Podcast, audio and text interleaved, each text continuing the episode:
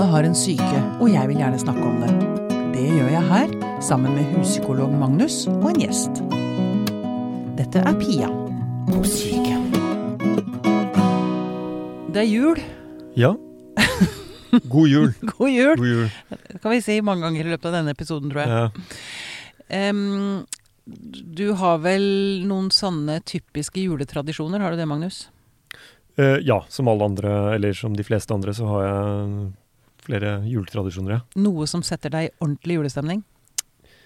Uh, det er jo uh, selvfølgelig julemåltidet. Mm. Uh, Lukten av Hva er det du har? Pinnekjøtt. Pinnekjøtt, mm. Men altså med, med familien til hun jeg er gift med, så er det jo andre ting da, vi Ja. spiser. Men Mm. Så det, det har utvidet seg litt noe, noe, Mm. hva som gir julefølelse av sånn matlukt. Mm. Men så er det jo også f.eks. det å høre Sølvguttene julaften. ja. Det er rart det er rart du skulle si det. Men for det. Og det mener jeg faktisk. Det er helt uavhengig av gjesten vi har her i dag.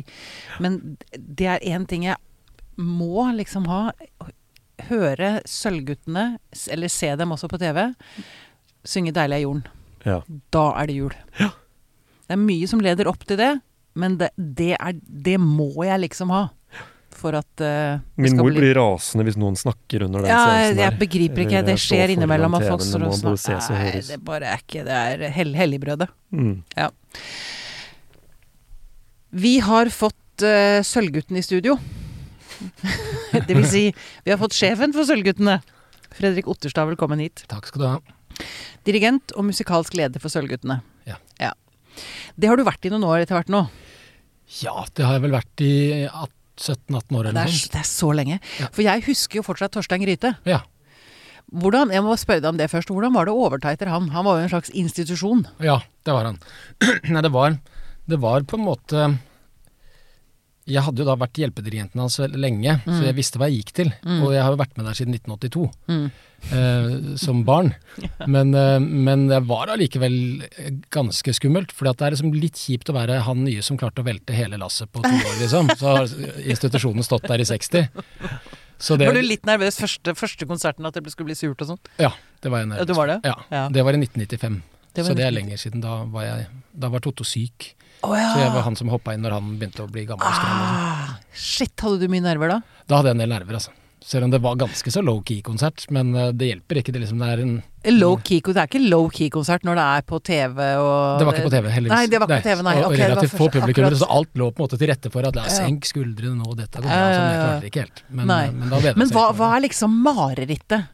Er det at de, plutselig, at de plutselig begynner å synge feil toneart, eller at de skjærer ut, eller at de mister rytmen, eller Altså, jeg har jo opplevd noen sånne mareritt i, i det levende livet også. At det liksom Mm. Barn er jo så rare, ikke sant. Eh, De kan finne på så mye rart. At det var en gutt som fant ut midt under en sang at han skulle synge på en helt annen sang. han. Oh, ja! Så midt inne i en sang så begynte han med klar og høy røst i et veldig stille parti å synge sin egen sang. Ok.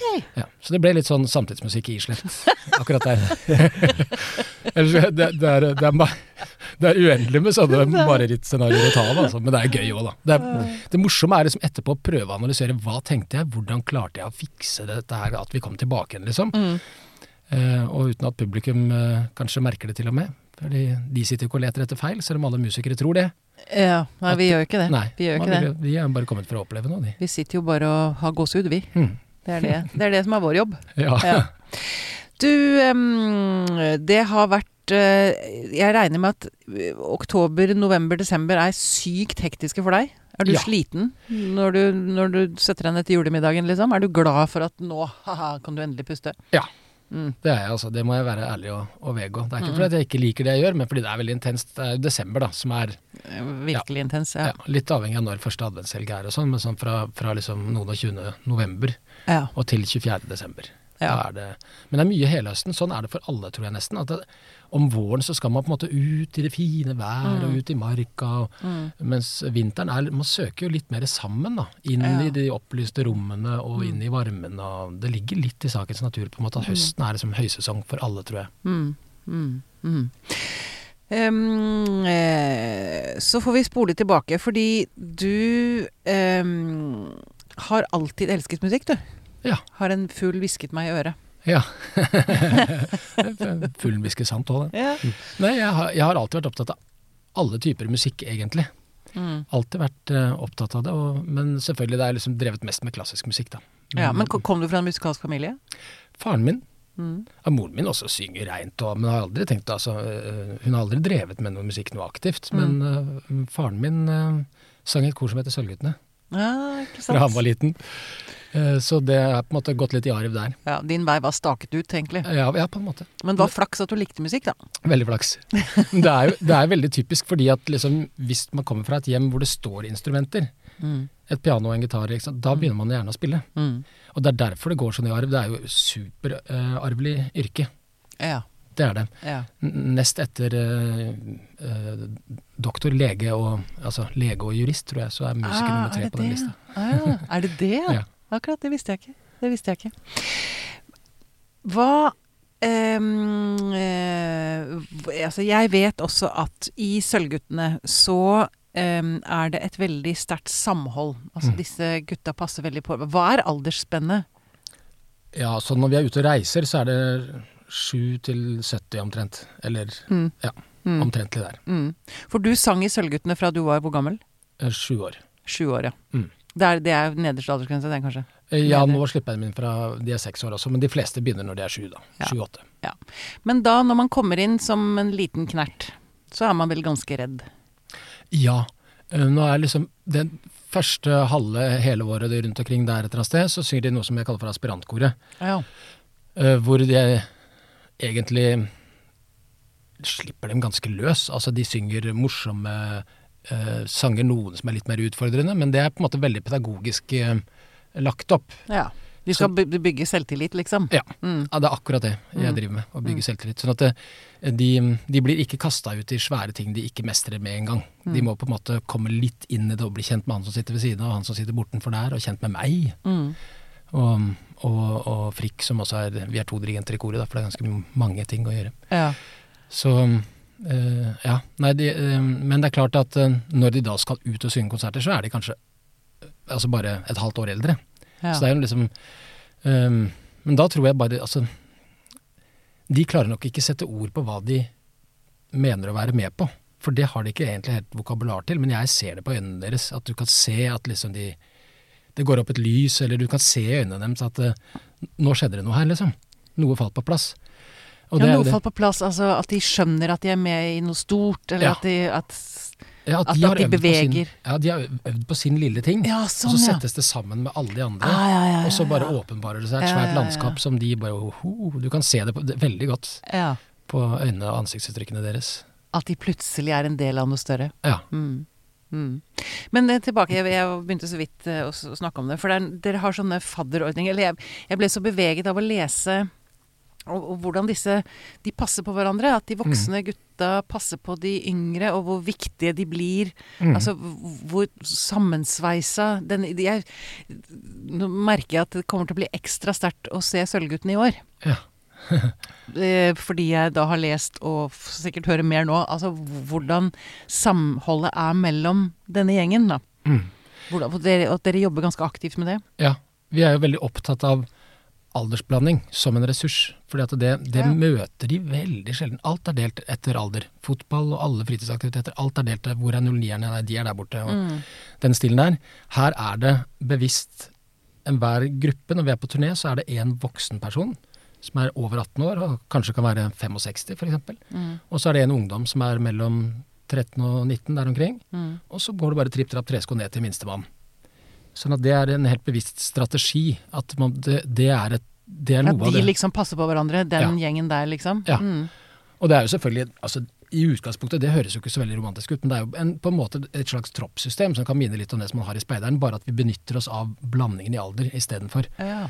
Um, det vil si at liksom hvis vi kommer ut av en buss, og en er gått på do uten at jeg har registrert det, så, så, så stiller vi opp i grupper, og i løpet av et halvt minutt så vet vi at ja, men da må vi vente på Torgeir, for han er på do. Ja.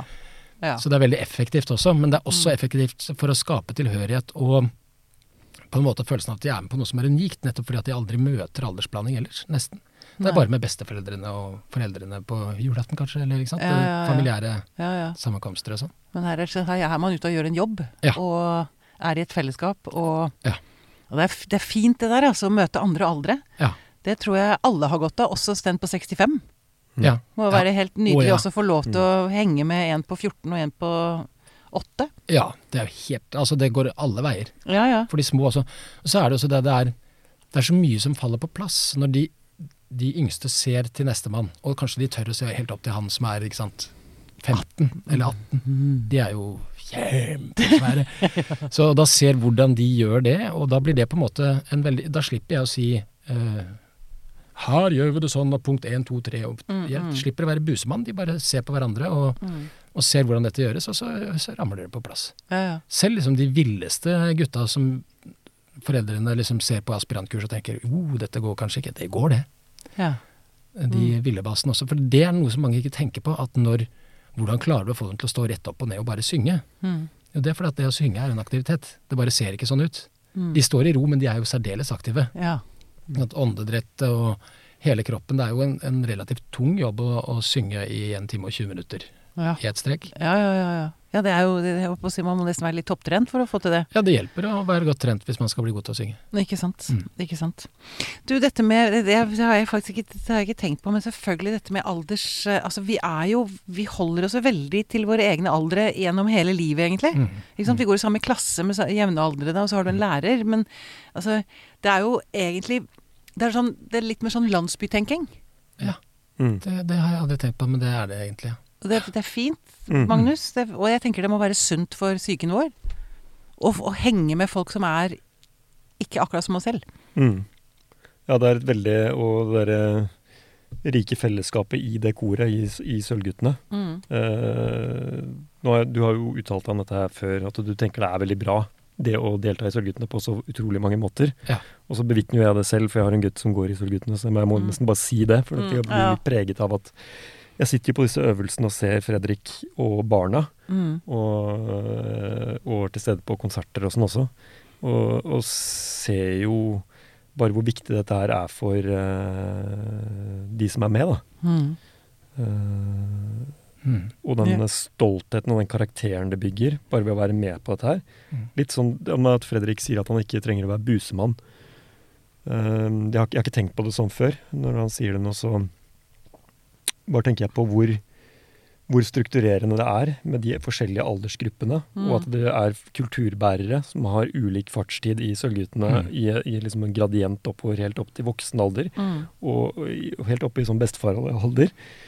Eh, det gjør jo noe ved at, eh, i hvert fall for eh, sønnen min, da, det er, han er liksom naturlig eh, Jeg vil ikke si veloppdragen, for det er å kalle det, det er liksom det er litt ned på det. Det Ja. er mer en naturlig, ærbødig respekt for det han er med på. da. At han bare Det er noe ja. som er veldig fint å se på. ja. Du sa bygge karakter. Kan ikke dere utvikle det? Du utvikle det litt, Fredrik? Det er liksom noe med um, Hvis jeg skal si Skolen er jo Det er litt sånn flåsete sagt, men det er ofte bygget opp litt sånn at du på en måte Du, eh, du på en måte Du bare tråkles videre og videre og videre, og videre, og videre, og, og du ser på en måte ingen ende på det, hvis du skjønner hva jeg mener. Mens liksom, i musikken så er det sånn at du øver på ett repertoar, og så framfører du det. Mm. Og så er det vekk med det, og så er det på en måte Ja. blanke ark. Det er liksom en sånn Mm. følelse av at du, de innser at ved å gidde å øve på noe, så får de være med på noe som er eh, superfett for dem å være med på, og det har en tidshorisont, på en måte. Ja. Jeg tror det gir en sånn mestringsfølelse, akkurat det. At du ser ok, nå øver jeg på det, da kan jeg være trygg, da kan jeg stå på den konserten og levere noe som folk setter pris på, og det ser jeg på dem. Mm. Og så var de fire konsertene ferdige, og da begynner vi på noe nytt. ja. Jeg tror det er noe sånn veldig sånn mentalt sunt for dem også. At de liksom ikke henger ved en masse ting, og at du aldri kommer helt i mål. Og det er på en måte ganske klare målsetninger for den jobben de har gjort. da. Mm. Og Det tror jeg er veldig sunt. Og så tror jeg i det hele tatt å sitte sammen med folk og synge er veldig sunt. ja. Mm. I alle tilfeller. Det gjelder jo i alle kor. Eh, at, eh, og det, det finnes det faktisk forskning på. Ikke at jeg sitter og leser så mye av akkurat den forskningen, men eh, folk jeg kjenner som gjør sånt, de har lest at det, dette foreligger jo ja. absolutt. Ja, og det, dette må vi snakke litt mer om. Jeg har lyst til å snakke litt mer både om hva musikk gjør for oss og Mm. med oss, men også dette, dette med samklang. mm. Å, å høre din egen stemme sammen med andres, det, det, det Jeg på å si det er nesten ingenting som kan sammenlignes med det. Nei. På en eller annen måte. En supergammel omgangsform, ikke sant. Det er jo, Ja, ikke sant. det er jo, Det er- altså det er jo slå en pinne mot noe og bruke stemmen, det er jo liksom det vi kommer fra. Ja. Før man utviklet så raffinerte instrumenter som vi har nå, så bruker man jo stemmen og tramp, klapp, Mm. En pinne i ny og ne. Nå bare prøver jeg å se litt bakover i Ja, ja, historien, men det er jo, det ligger jo helt, det er sånn urinstinktivt, tror jeg. Mm. Mm. For da er det det jeg tenker det er ingenting som skaper mer følelsen av å høre til. Mm. Nei, det er tilhørighet, ja. Tilhørigheten som Og du hører deg selv sammen med andre. Mm. Og hvis det da i tillegg også er vakkert, Mm. Mm. så er det Det løfter jo sjelen på en måte som ingenting annet kan. Da. Ja. Jeg har hatt moro av å diskutere med bitte små barn, altså aspirantgutter på seks, sju, åtte år, Mm. om hva på en måte Hva kan en sang være for deg, sånn følelsesmessig? Hva opplever du? Mm. Og det, det syns jeg var sånn, Det er fra barn og fulle folk osv. Men det, det er altså enten at noe er fint eller morsomt. Det var de to første tingene som kom. At det er Mm. fint eller morsomt. Mm. Så var det en siste som sa, som sa men trist, da? Ja, men trist, det er fint, det. Åh. Det er gullkorn, Det altså. er veldig fint, da. Så det er på en måte ikke sant, ja, Det er fordi at det da virker på en måte kanskje nesten litt terapeutisk, ikke sant. Hvis en Mm. Å høre trist musikk, vi kjenner jo alle det.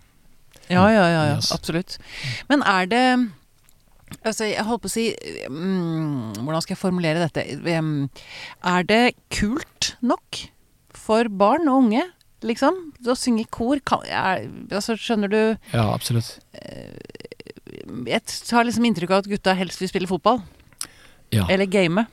Ja, ja altså um, Det kan du si, Vi kan si litt om det historisk, så er det, er det mye kulere nå å synge enn det var da jeg vokste opp. Ja. Det er mye mer akseptert. Ja.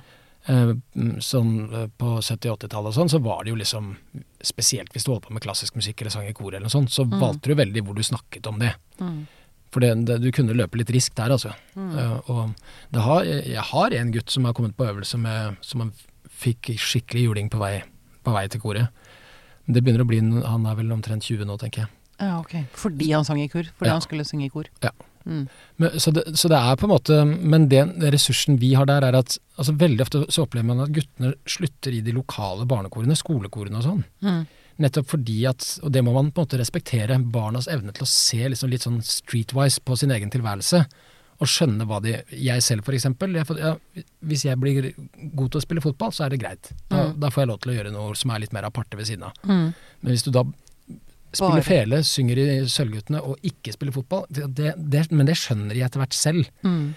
Uh, Men vi har den ressursen at vi samles jo sentralt i byen.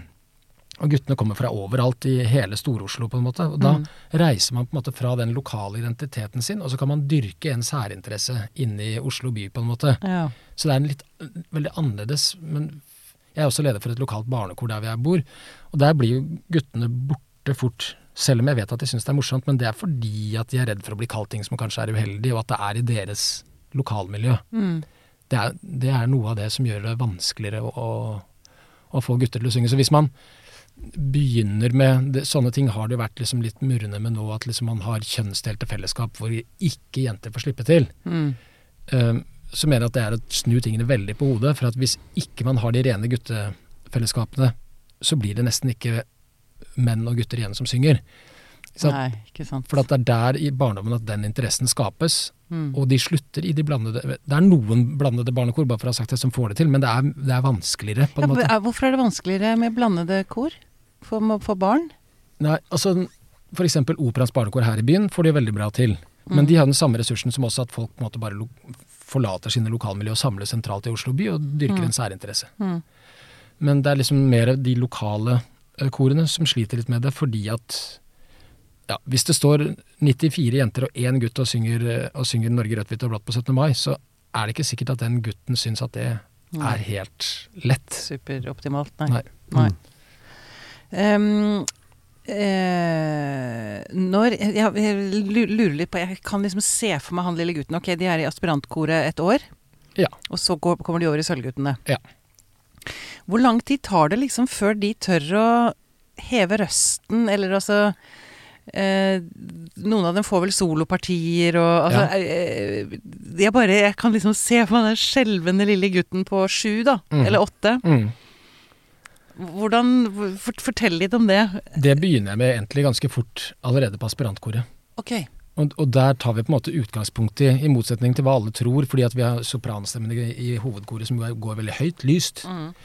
Um, uh, men vi tar utgangspunkt i talestemmen. Mm. Så at de får lov til å hoie og rope litt i aspirantene. Jeg jobber bevisst for at liksom de skal være, for å bruke litt ambisiøse, sterke og frie barn, på en måte. Ja, De skal få lov til å uttrykke seg fritt, Ja. liksom. Ja. Mm. For å bli trygge, Ja. rett og slett. Og da er det ikke det er en, Da er det ikke det å drive og pirke på småting og sånn, det, det jeg som helt uvesentlig. Det er å begynne i feil ende. Mm. Med å bygge trygghet både um, for dem sånn sanglig og menneskelig. Det er det første, det er bud én. Ellers så får du dem aldri til å åpne seg, hvis de går og er redde for å gjøre feil. Nei.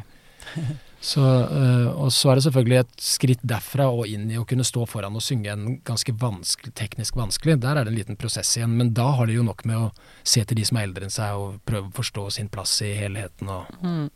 så da trener de på andre ting, en Ja. liten mellomfase der. Ja, ja. Men det må være ganske stort å se da denne gutten gjøre det for første gang. Ja, ja. Og, og, og mestre det. Og ser du mye sånn stolthet og skinnende øyne, barneøyne og ja, jeg gjør det, altså. ja. Jeg må si det. Det høres jo liksom litt sånn Nei, men det, det gjør jeg rett og slett. Mm. Um, og det er det, tror jeg Altså, barn er like forskjellige som alle oss andre, men det er liksom det er en blanding av mye av dette vi har snakket om med tilhørighet og sånn, men også en følelse av mestring. Mm. Um, og at de på en måte føler at de får noe igjen for å bruke såpass mye tid på det. Da. Ja, ja. Mm. ja, ja. Og det, som jeg tror er tilfredsstillende for dem på en eller annen måte. Mm. Det høres ut jeg, jeg tenker at dette må gjøre så utrolig mye bra for de barna som er med. Mm. Hva, hva tenker du, Magnus? Nei, du ser eh, jeg nikker eh, veldig. Ja, mm. Og jeg, jeg er veldig enig i det. Mm. Jeg kan egentlig ikke tenke meg noe eh, Jeg jeg er vanskelig for å tenke meg noe, noen sunnere aktivitet for en uh, gutt å holde på med, i, for en Mm. ung gutt å komme inn i, da. Mm. Uh, holde på med enn en det. Og også det der um, du, du Du nevner det der med å synge sammen med andre. Mm. Det er jo også noe ved det at man Det er ganske stor kunst da, som lages i Sølvguttene. Eh, og når du da som syvåring blir innviet i et fellesskap hvor andre eh, det, Sånn tenker jeg på det, i hvert fall. Mm. Du kommer inn, og det er såpass mange Du får spille med Messi eh, fra dag én. Eh, Mm. og, og får de der mannsstemmene i andre, tredje, fjerde stemmene i Mm. 'Deilig er jorden i ryggen'. Mm. Uh, man blir jo rørt som publikummer, men jeg tror det er noe ekstremt Det er vanskelig å sette fingeren på det, men det må jo være en veldig sto, store opplevelser. da. Det er veldig uvanlig tror jeg, for barn å få så mange store opplevelser Ja. i, i den alderen. Mm. Det er mange forskjellige ting. Vi prøver liksom å oppnå det der med som man pleier å kalle altså det som du nevnte med stoltheten og sånn. Det å, å synge med flagget på brystet, sier vi, som, som man sier om landslaget, ikke sant. Mm. Um, um, den følelsen. Og så er det også den uh, For de som driver med klassisk musikk, så vet jeg at Brahms rekvem f.eks. er skrekkelig vanskelig, men ekstremt sånn uh, musikk som på en måte åpner nye rom i huet på deg, altså. Mm. Ja, ja. og det å, å se en åtteåring klare å gjennomføre det, Mm. og, og som jeg sa innledningsvis, de, de skjønner ikke hva det er, men de skjønner at dette var noe ekstra. Det Ja. var viktig, tenker jeg, Ja, at viktig, de eh, opplever. Mm. Fordi at det å Det å forstå sånn som, Jeg er jo ikke oppvokst med dette her, men jeg tenker jo det at det er en veldig stor forskjell på det. At uh, det er ingen som trenger å overbevise han om at det, er, at det ligger noe spesielt i stor musikk, f.eks. eksempel Mm. Eller, eh, eller det å være med på å lage stor musikk. Mm. Han trenger på en måte du, uh, Det er vanskelig å formidle det med en forklaring, men med en erfaring så er du Er alle forklaringer overflødige, tror jeg. Mm. Den Den, den der skal jeg huske, Magnus. Ja. Jeg har liksom prøvd meg fram med at, liksom de, at de fornemmer noe, på en måte. At de fornemmer At de fornemmer stor kunst, for å bruke et veldig pretensiøst uttrykk. Ja, At de, ja, ja. de fornemmer at ja, ja, ah, det er det som er kunst, ja. mm. Ja, ja, At det er vanskelig å si de, de, at det bare er en fornemmelse, mer enn at de klarer å uttrykke det. Annet enn Ja. at ja, das Ding an sich. ja, og jeg tenker også det Mm. der å være, få, lov til å være del av det enorme Hvor gammel, hvor gammel er Sølvguttene? 81 år. 81 år. Ja. sant. Hvorfor, hva, hva, hva tenker du var grunnen til at det er blitt så stort? At det er blitt en sånn institusjon som det er blitt? Altså, Sølvguttene fikk jo en veldig sånn pangstart. mm, eh, min for- forgjenger Torstein Gryte, som var en lærer da jeg var eh, barn, da, Mm. og som hadde dirigerte Sølvguttene i 66 år, for det står han i Guinness rekordbok. Oi, gjør han det? Den som har dirigert samme ensemble lengst. 66 år, ja. Ja. Det, det står det respekt av. Ja, Han stiftet jo dette her, De begynte å øve i 1939, og så skulle de holde debutkonsert i 1940 som ble avlyst Mm. pga. okkupasjonen. Mm. Og så fortsatte han arbeidet under krigen, og da måtte man jo levere repertoaret til en komité som eh, tyskere satt i, men også norske komponister som har slitt veldig med omdømmet i ettertid, dessverre. Pga. at de gikk med på å sitte i en sånn komité som skulle godkjenne at det var tyskvennlig nok. Sånn, sånn, eh, ja. mm. Men så ble så feilrapporterte han. De sang Sensur, liksom? Ja, sensur. Ja, Mm. absolutt. Mm. Og så, så feilrapporterte han, og så sang de liksom 'Når fjordene blåner' og 'Ja, vi elsker' og sånne ting. Oh, ja. Offentlig. Og så ble han tatt. Så ble han satt på Grini. Nei! Og der satt han i lange tider, og da ble han jo en slags helt, da. Ja. Så det tror jeg var litt av liksom, han virkelig sto opp for kunsten Ja. og Norge og virkelig Og sånn betalte nasjonal- for det. Mm. Mm. Mm. Så det, jeg tror det var noe av grunnen Det til det. Og så var det mye med eh, Det offisielle navnet på koret er jo NRKs guttekor Sølvguttene. Og det var egentlig to kor. Og det andre koret var det som sang 'Nå kommer barnetimen', hysj, hysj, hysj. Og hadde alle disse Alf Prøysen-tingene på NRK radio og sånn. Mm. Um, og disse korene ble slått sammen i jeg husker ikke helt, det er 1950 eller noe sånt. Så da, da, var det, jo- da nådde de jo ut til hele Norge via radioen. Ja, ok. Mm. De fikk eh, massiv drahjelp der. Ja. Mm. Så Ja. det er nok en del av det bildet. Ja, ja. ja. Du, eh, jeg, jeg har så lyst til å snakke litt om barn og musikk. Vi har, vi har toucha inn på det, men jeg mener at det er mer å hente der. Mm. Hvor viktig er det for barn å eh, forholde seg til musikk, tenker du? Det er viktig på mange måter. Det første liksom, jeg tenkte jeg kunne si noe om, da, det er um, Det er litt om koblingen til liksom, hvordan, hvordan hjernen din fungerer. S, uh, hvis du begynner å ha drevet en del med musikk som barn, um, så utvikler du deg så veldig fort. Du, du på en måte går opp noen nye stier opp i hjernen. Jeg er jo ikke noen hjerneforsker, men, men hadde jeg vært det, så hadde jeg kunnet si det på en akademisk måte. Mm.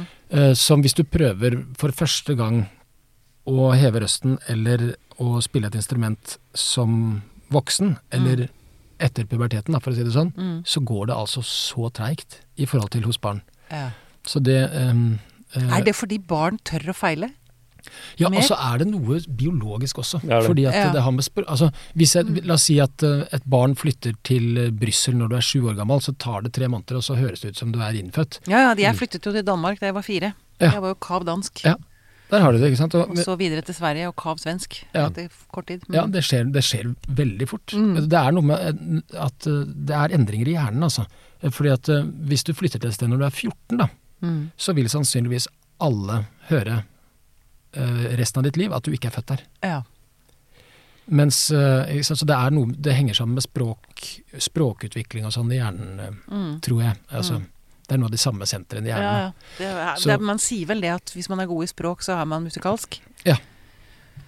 Mm. Jeg, jeg, bare skyte inn et lite jeg, jeg, kan, jeg har ikke noe dybdekunnskap om dette her, men eh, jeg var på et veldig interessant foredrag om akkurat dette i Boston. På en konferanse der hvor det var en eh, eh, han, han hadde så morsomt navn, så jeg burde nesten huske på hva han het. Men Takao Hench het han. ja. Han holdt foredrag om uh, at uh, de nå driver og, og forsker på måter å kunne gjenåpne det sensitive vinduet i hjernens utvikling, hvor man kan lære tilegne seg språk. Eh, Som voksen? Som voksen. Oh. Og da er det De har Det var en genetikk og, og molekylær biologi og masse sånn på et nivå jeg ikke helt klarer å gjengi akkurat her. Mm. Men de har bl.a. med musemodeller og sånn, så kan de se det. At mus, kan, mus som er forbi en viss sensitiv eh, periode, eh, kan, eh, kan komme tilbake igjen i den ved at de får eh, legemidler eller et eller annet. Da. De hadde noen Mm. molekyler de kunne gi dem. Oh, ja. Men, men det, det jeg tenker med dette her, er jo, var dope jo seg på, til eh, dope seg til å kunne få lære deg, lære deg noe annet enn dansk, da, eller eh, lære deg å bli med og synge. Men, eh, men det sier jo bare litt om den, der, den sensitive perioden, altså at vi, når vi er unge. At det er en, en, en type plastisitet i hjernen for å kunne eh, lære seg lyd. Mm. Det er spesielt å fjerne han Takao Henschlitt, det er jo litt sånn science fiction akkurat det der, da. Eh, men eh, man, sier jo, man ser det jo f.eks. aller tydeligst på tonale språk som kinesisk, mandarin og sånn, Mm. Mhm. at det er nærmest umulig å lære etter en viss alder. Det handler om at det er så musikalsk språk at eh, det å lage de lydene, det å, å ta de nyansene i Ja. Ikke sant, jeg sier eh, jeg, jeg kan jo ingenting av dette her, men altså det er veldig små nyanser av vokaler, da. Mm. Som man skal kunne skille mellom inn i en setning hvor dette her flyter i en lysets hastighet omtrent. Mm. Uh, og det klarer barn intuitivt, naturlig, inntil en viss alder, og så er det, og så er det slutt. Mm. Så uh, Sånne eksempler gjør det veldig tydelig da, at dette handler ikke om vilje eller, eh, eller, eller eh, Evner, egentlig, psykologiske faktorer. Det er Mm. rent sånt biologisk vindu som man må smi mens Ja, ja. jernet er varmt. da. Mm. Ja. Mm. Mm. Det er morsomt, akkurat det der med kinesisk, der er jo det at de har så veldig mange tonemer, sier de språkmenneskene tonemer, altså bønder og bønder og så videre. Mm. Mm. Og norsk er også et språk som har eh, ganske mye tonemer i seg. Ikke så mye som kinesisk, for det er ganske ekstremt. Men det kan man lese av i eh, Visstnok i befolkningen på antallet eh, forekomster av absolutt gehør, som det heter. Nemlig å kunne Ja. eksakt gjengi hvilken tone som spilles. Ja. Og at det, det er da en overrepresentasjon f.eks. i Kina, og det er det også i Norge, da. Så, eh, og man tror at det er nettopp pga. det Magnus beskrev. Evnen til å, å oppfatte bitte små endringer i tonefallet Mm. som gir meningsendring. Mm. Mm. At to nesten like ord kan bety helt, helt forskjellige ting. Mm. Sånn at det er helt vitalt at du forstår eksakt hva som, og hører eksakt hva som blir sagt, for å få det med deg. Ja. Mm. Dette her var på en måte enden av den visa som handler om det på en måte litt sånn eh, hjernen og disse tingene. Det startet jo med Mm, mm, hvorfor det er mm. viktig for barn Mm. å synge. Og de, dette lange spranget her er én bit av det. Men jeg tror um, uh, Da snakker man jo opp Dette er ofte i sånn for å trene folk til å bli profesjonelle musikere og den typen ting. Det er ikke jeg så forferdelig opptatt av. Fordi at uh, hvis de blir fanget av dette her og, og syns det er kjempegøy å holde på med, så er det et godt springbrett. Du får trent øra dine som, mens du er barn, som er helt vesentlig. Og så er det vær så god, du kan smi så mye du vil, og, og bli så god du vil. Mm. Og det er også noe jeg prøver å lære dem, at hvis du har lyst til å bli kjempegod i dette her, så er det bare å kjøre den veien der. Men det viktigste er på en måte den tilhørigheten og det, den ideen om at fellesskapet løfter individet. Ja. Og at de føler den tilhørigheten og føler seg trukket med av fellesskapet og oppover. Mm. Oppover, selvfølgelig. Mm. Eh, at det løfter dem, og det tror jeg eh, Jeg tør nesten si at jeg vet at det er mye viktigere enn man tror. Altså at fokuset på det individuelle og individuelle ferdigheter er veldig sterkt i vårt samfunn. Mm. Og disse litt, sånn, litt gamle stammetingene, nå sitter jeg sånn og, og lager Ja, hermetegn i lufta, um, kommer liksom litt i bakgrunnen og er liksom ikke helt sånn en del av noe um, elitistisk. Det er på en måte um, Det er forskjeller historisk òg, da, men eh, da min far sang i Sølvguttene, så var det veldig f.eks. en østkantsyssel. Det var østkantguttene som sang i Sølvguttene. Oh, ja. Fordi at på det tidspunktet så var det sånn at på vestkanten skulle man lære å spille klaver. Og det å synge, det var, Individuelt. Ja. Ja, det å synge var litt sånn arbeiderklassen. Ja, det var arbeiderklasse. Akkurat. Så det er det, det, Ja, for det, det Jeg tenker jo egentlig på Sølvguttene som et vestkantfenomen. Mm, det- Men selvfølgelig, det er et gammelt arbeiderklasse. Det var billigmusikken, liksom. Ja, Det var billig å synge i kor. Det var mye du trengte ikke investere i et svært piano. ikke å ha et eller- piano. Og ikke, ikke, mange hadde ikke plass til det heller, ikke sant. Så ikke hadde råd til det, ikke Ah, hadde plass til det. Ikke sant. Ah, så vakkert. Mm. Da lik, liker jeg Sølvguttene enda bedre, om det er mulig. Det er et juleeventyr, dette her. Det er et juleeventyr. Men du, Fredrik, kan ikke du fortelle jeg, jeg, jeg vet at det ligger mer å hente der i altså dette um, Måten gutta passer på hverandre, eller hva de gjør for uh, guttas eh, selvfølelse eller, eller eh, Ja, selvfølelsen, kanskje. Mm. Altså, har du noen historier? Har, er, det noen som har Som, som du har liksom lagt Altså, som, som har eh, Som har vokst veldig på å være med i Sølvguttene. Har du noen sånne eh, historier rundt hva dette har gjort for gutta? For noen av gutta? Ja, Noen altså, individer? der, ofte så får jeg jo eh, mailer, eller at det kommer tidligere gutter på, eh, på konserten, Mm. som jeg, hvor jeg må liksom skrape av 15 år med hår og skjegg og sånn på dem. For, å, hei! Det der ja. Mm. Det, er ganske, det er også ganske sterkt at liksom, de, de tok jeg imot som seks-sjuåringer en gang. ja. Og så kommer de og har dypere Wow. stemme og er høyere enn meg. Så det er liksom en, eh, men eh, eh, jeg husker veldig godt at det var en, en sosialantropolog som kom eh, med sin sønn for han skulle på opptaksprøve til aspirantkoret. Mm. Eh, og da drev vi og øvde med en liten gruppe som skulle gjøre noe solistisk. Og så så han at det var en gutt på 10-11 år som sto og diskuterte med en mann på ca. 65.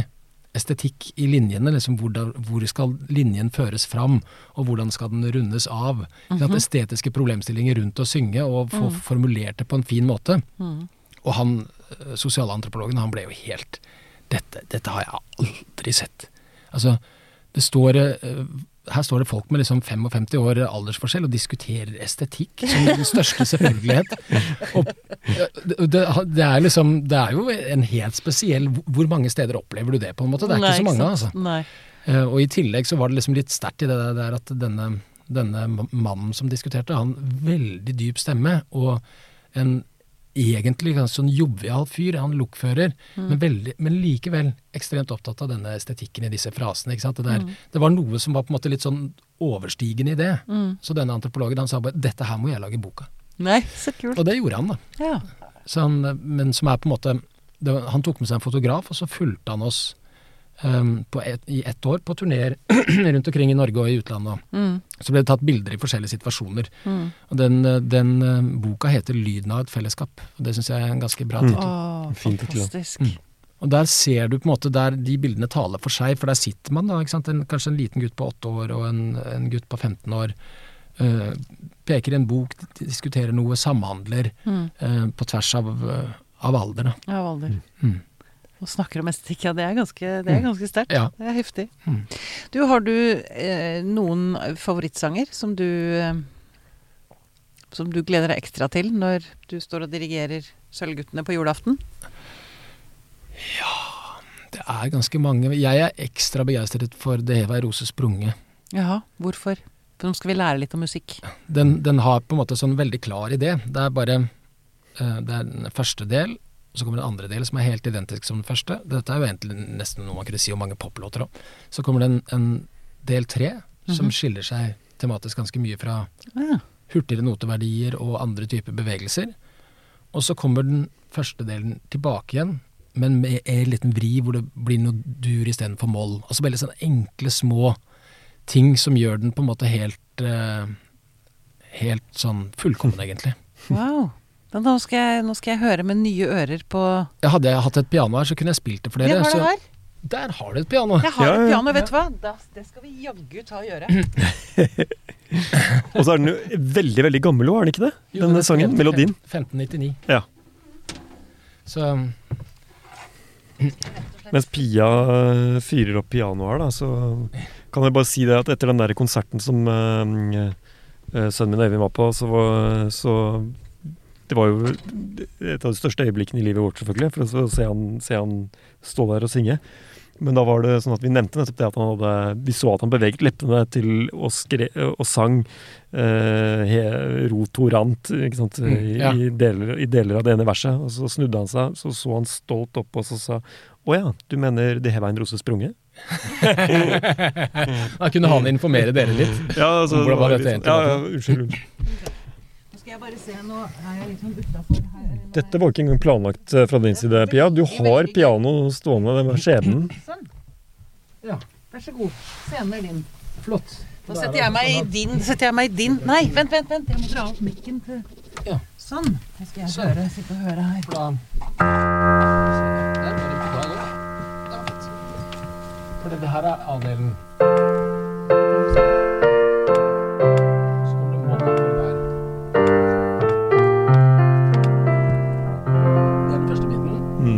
Mm. som noen andre jeg har akkorden. Og så gjør det. De er helt identiske.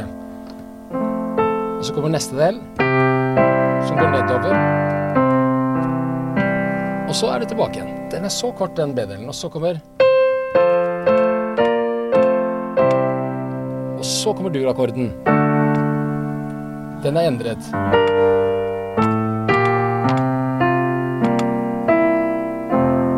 Er det hele. Så det er liksom A, A, og så kommer det en liten B der, eller korte der. Det hele. Der er det forskjellen moll og dur. Så det er sånn Det, er, det, kan, det kan være relativt lett å høre, bare uh, det, Poenget er at det er, melodien er jo helt identisk alle gangene. Det er understemmene som danner den dur-effekten i gjentagelsen.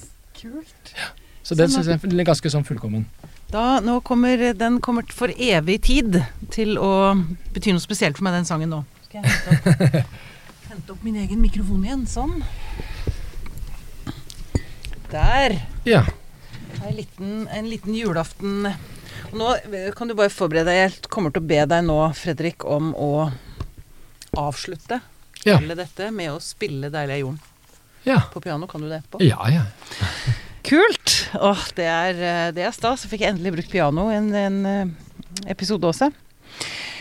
Um,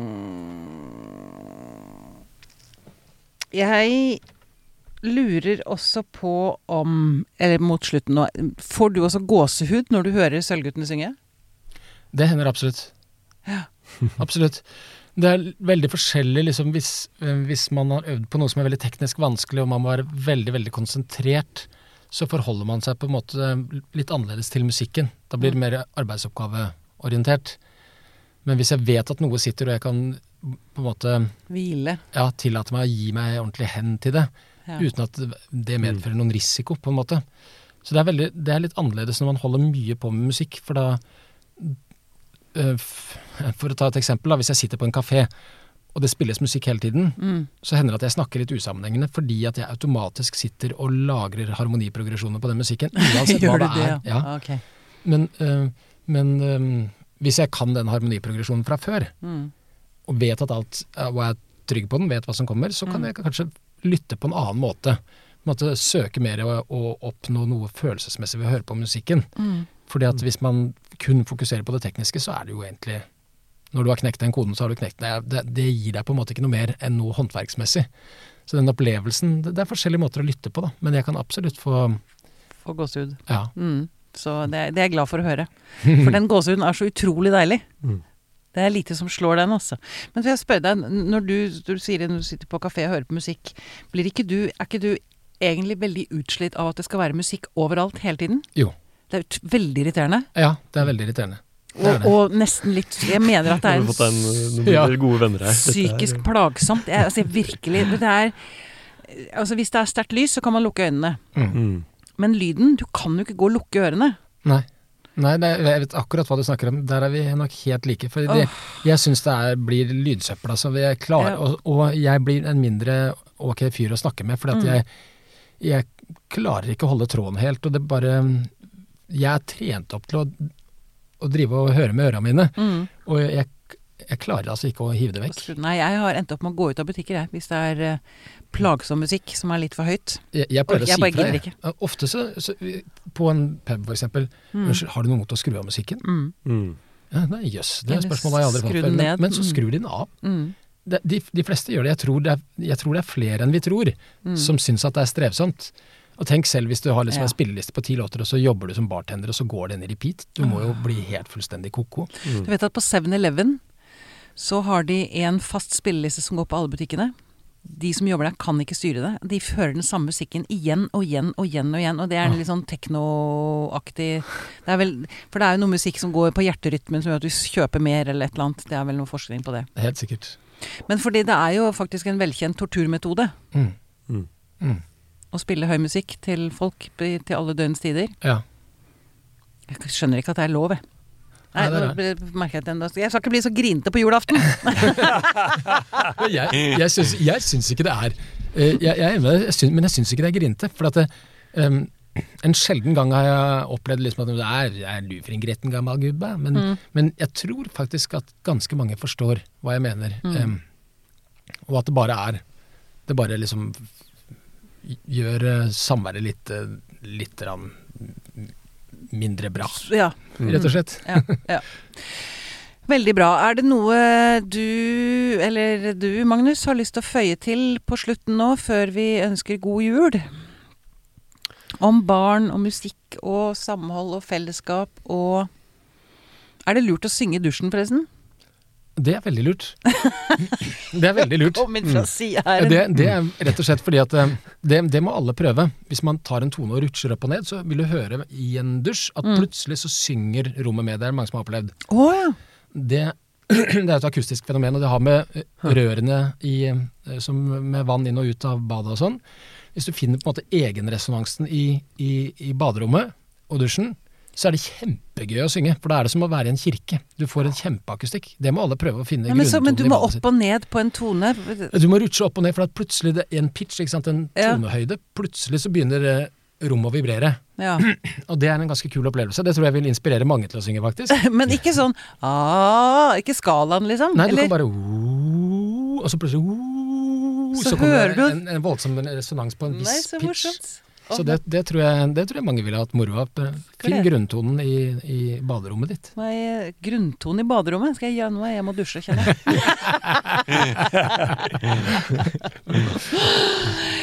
da gjenstår det bare å ønske riktig god jul um, til alle lytterne. Og til dere to i studio. Fredrik Otterstad, musikalsk leder for Sølvguttene. Tusen takk for at du kom. Takk Det var veldig, veldig fint å ha deg. Nå gleder jeg meg til å høre først deg spille 'Deilige jorden', og så skal jeg høre Sølvguttene synge 'Deilige jorden'. Mm. Og 'Det hev ein ros utsprungen'. Ja. Vær så god, Fredrik. Takk.